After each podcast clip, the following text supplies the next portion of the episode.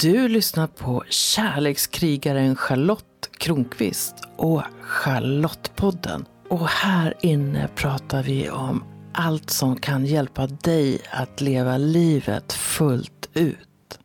Har du lätt för att etikettera andra människor? Han är si och hon är så och hen är så. Och vad tycker du själv om att få en etikett? Det kan du reflektera över när du har lyssnat på det här avsnittet av Charlottepodden som handlar om att spela roller. Om en liten stund så kommer du få lyssna när jag läser ett kapitel ur min ljudbok 100% Charlotte, ta ditt inre ledarskap. Men först tänkte jag reflektera lite grann om det här med rollerna vi har i livet och varför vi använder roller. Sån är inte du. Jag känner inte igen dig. Du är ju så här. Det var ord som kunde få mig att stelna till när jag var yngre. Det var som att andra trodde att de såg hela mig. Och sen gjorde jag något som de inte kände igen och då skavde det i dem. Då blev det synligt för mig att de hade satt en etikett på mig. Och när det kändes som att innehållet, alltså det som var jag, inte stämde så fick jag ibland höra det. Nej, sån är inte du. Och på samma sätt har jag naturligtvis satt etiketter på andra. Men perspektivet just nu handlar om att spela roller. Och hur lätt det är att fly ifrån sig själv av olika skäl. När någon sätter en etikett på dig så kan det ju bero på att du har spelat en roll och eh, det är den de ser. Så när någon säger sån är inte du så har du en möjlighet till reflektion. Eller kanske att fråga, men hur är jag då? Vem är det du ser? Och det kan ju vara spännande och kanske också lite skrämmande att fråga någon vem de verkligen ser. Vi har ju rent krast många roller i livet. När jag hämtar barn på förskolan är jag mormor. När jag intervjuar en forskare är jag journalist. När jag kramar min dotter är jag mamma. När jag ringer min mamma är jag en dotter. När jag älskar med min man är jag en älskande. Alltså det finns olika roller och flera av dem är naturliga. De ingår i livet. Som det där med att vara en del i en familj. Eller för många att vara en arbetskamrat. Men sen finns det också mekanismer som handlar om att spela roller för att bli älskad. Det kan vara en roll, en mask som jag sätter utan på mig för att jag ska verka bättre på något sätt. Och det finns ju också ganska många som väljer yrke utifrån att de vill ha en roll som de kan bli älskade för.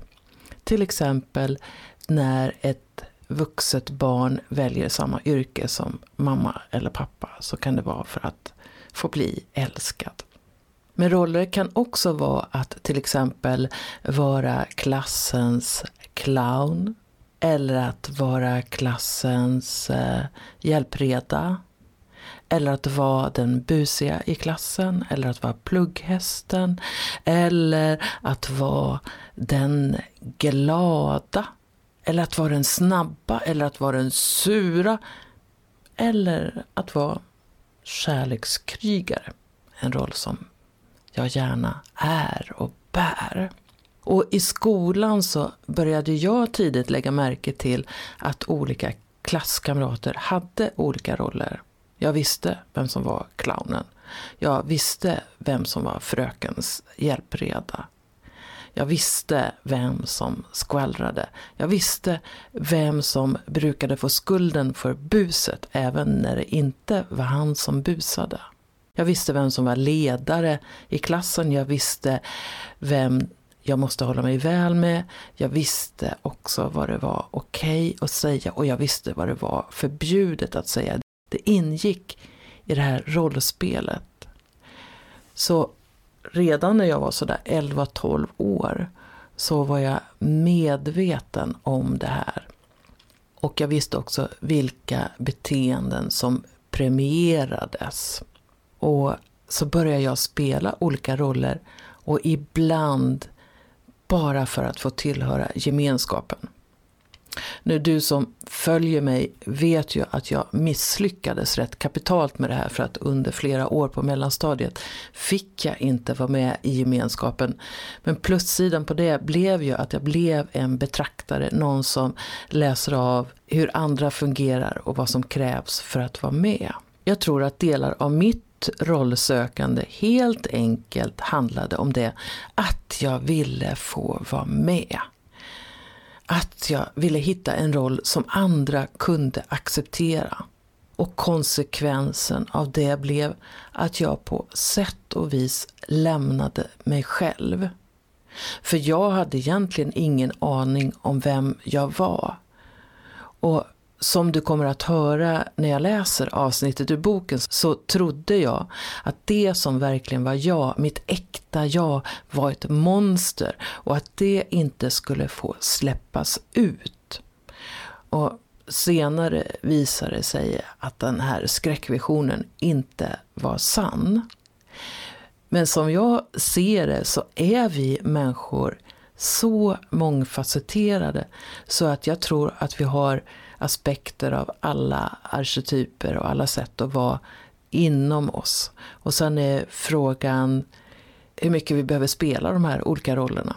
Så å ena sidan fanns den där flickan som ville bli sedd och älskad för den betraktaren såg. Å andra sidan fanns hon som blev sårad över att någon satte en etikett på henne.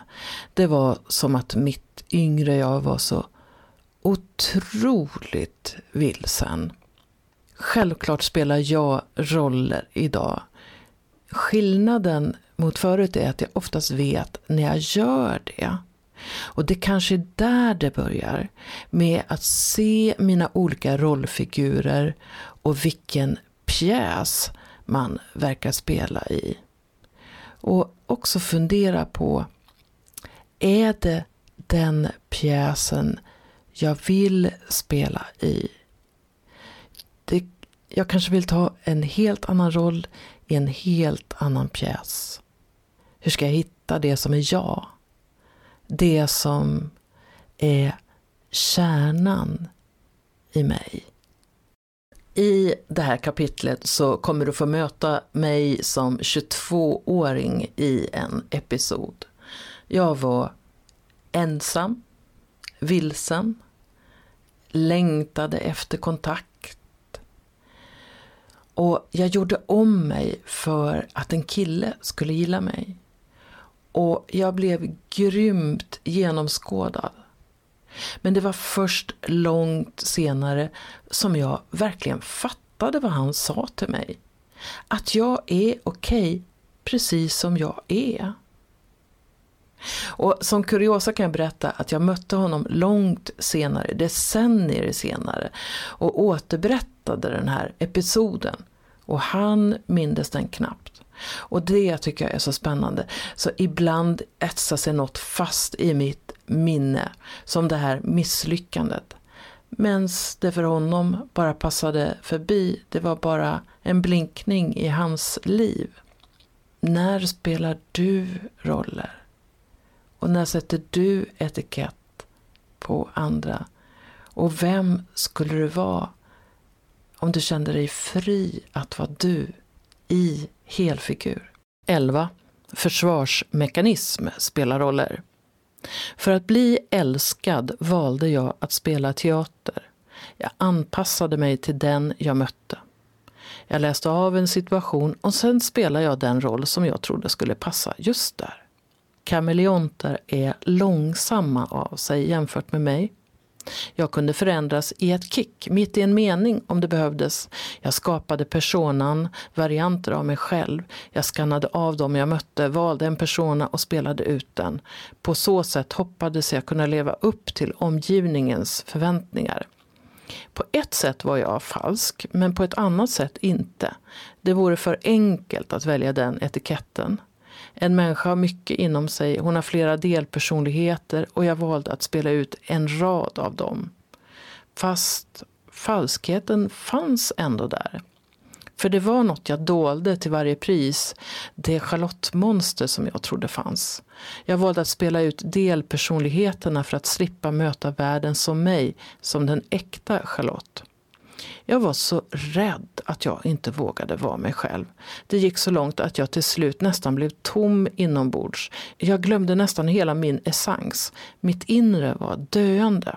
En av de jobbiga sakerna med att spela någon som jag trodde andra ville ha var att det fanns gånger världarna krockade.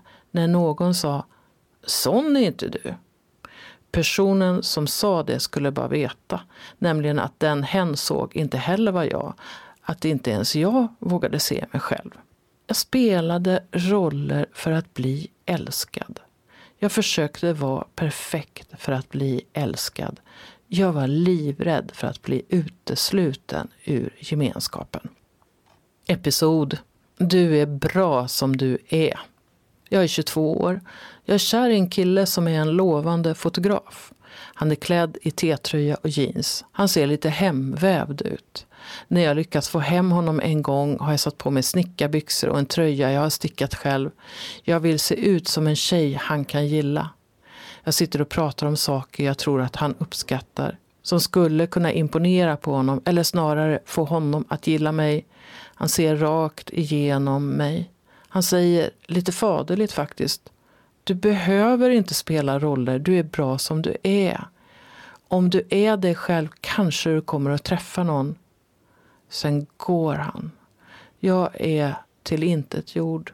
Skådespeleriet funkade inte.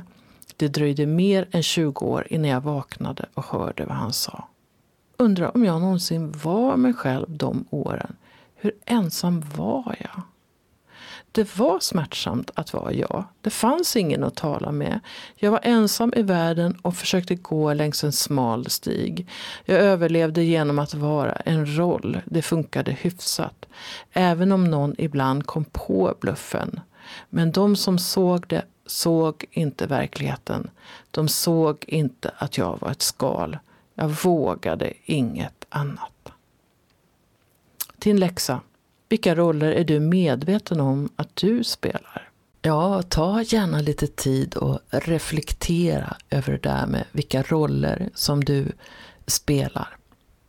Och du kan ju se om det är någon av dina roller som går lite på tomgång. Det kanske är någon som du kan säga till att gå ut och leka en stund. En annan aspekt av hur mångfacetterade vi är, det är att man också kan säga att vi har olika delpersonligheter. Som en isprinsessa, en inre kritiker, en kåt kvinna, en riddare, en ledare. Och min inre kritiker som jag ibland kallar min inre domare, kan vara så fruktansvärt sträng ibland. När jag hör den inre kritiska rösten så brukar jag säga så här till den delpersonligheten. Du, jag klarar mig själv just nu. Tack för allt du har gjort. Du kan gå ut i sandlådan och leka lite. Och så kan jag kalla på dig när jag behöver dig. Tack för allt du har gjort hittills i mitt liv. För ibland blir vi liksom fast i våra egna mönster och det kan vara skönt att bryta dem. Och det kan också vara rätt kul och cool att också välja en ny roll, någonting som kommer inifrån dig själv. Min kärlekskrigare kom till mig för några år sedan och det var så starkt. Det var som ett budskap från någonting som är större än jag som sa du är kärlekskrigare. Stå upp för kärleken på alla sätt som du kan. Så det är det som jag håller på med just nu. Och vet du, jag har ju mycket att erbjuda. Du kan bli coachad av mig, du kan ta sessioner utav mig, du kan gå en lekfull tantrakurs med mig, du kan gå onlinekurser för att känna att du har mer makt i ditt liv, att du börjar älska din kropp. Och alldeles nytt är också att jag tillsammans med min älskade partner Staffan erbjuder privatkurser för par i tantra där ni i lugn och trygg miljö får testa olika tantraövningar och massager.